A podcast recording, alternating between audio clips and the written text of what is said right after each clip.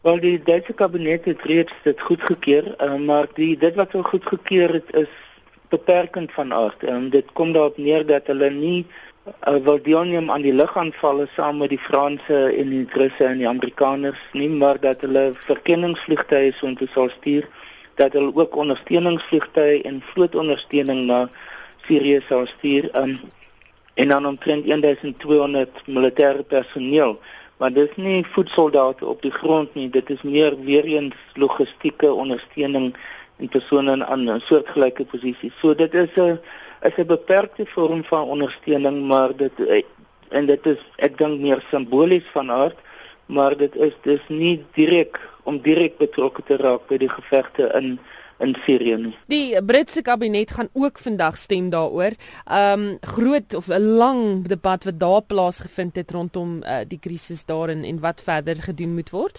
Hierdie hierdie gesprekke wat plaasvind, uh, daar's 'n definitiewe verdeling binne in Europese lande oor dit.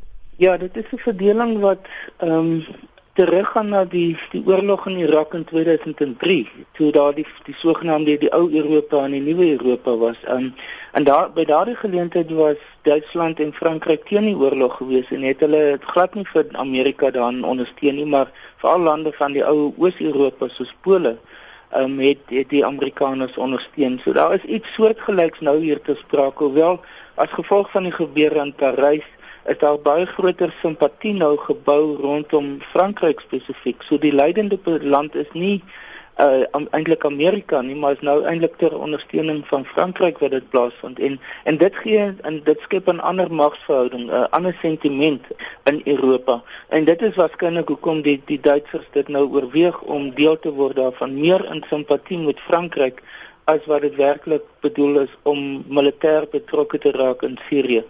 Ehm um, en ek dink dit gaan mense gaan dit sien in in eh uh, Brittanje ook dat daar hoogs waarskynlik gaan daar ondersteuning daarvoor wees. Dit is gewoonlik die die partye aan die heel linkerkant soos byvoorbeeld die Groenes in Duitsland en nou die die, die Arbeidersparty in eh uh, Brittanje wat wat gekant is teen enige militêre betrokkenheid in in die Midde-Ooste.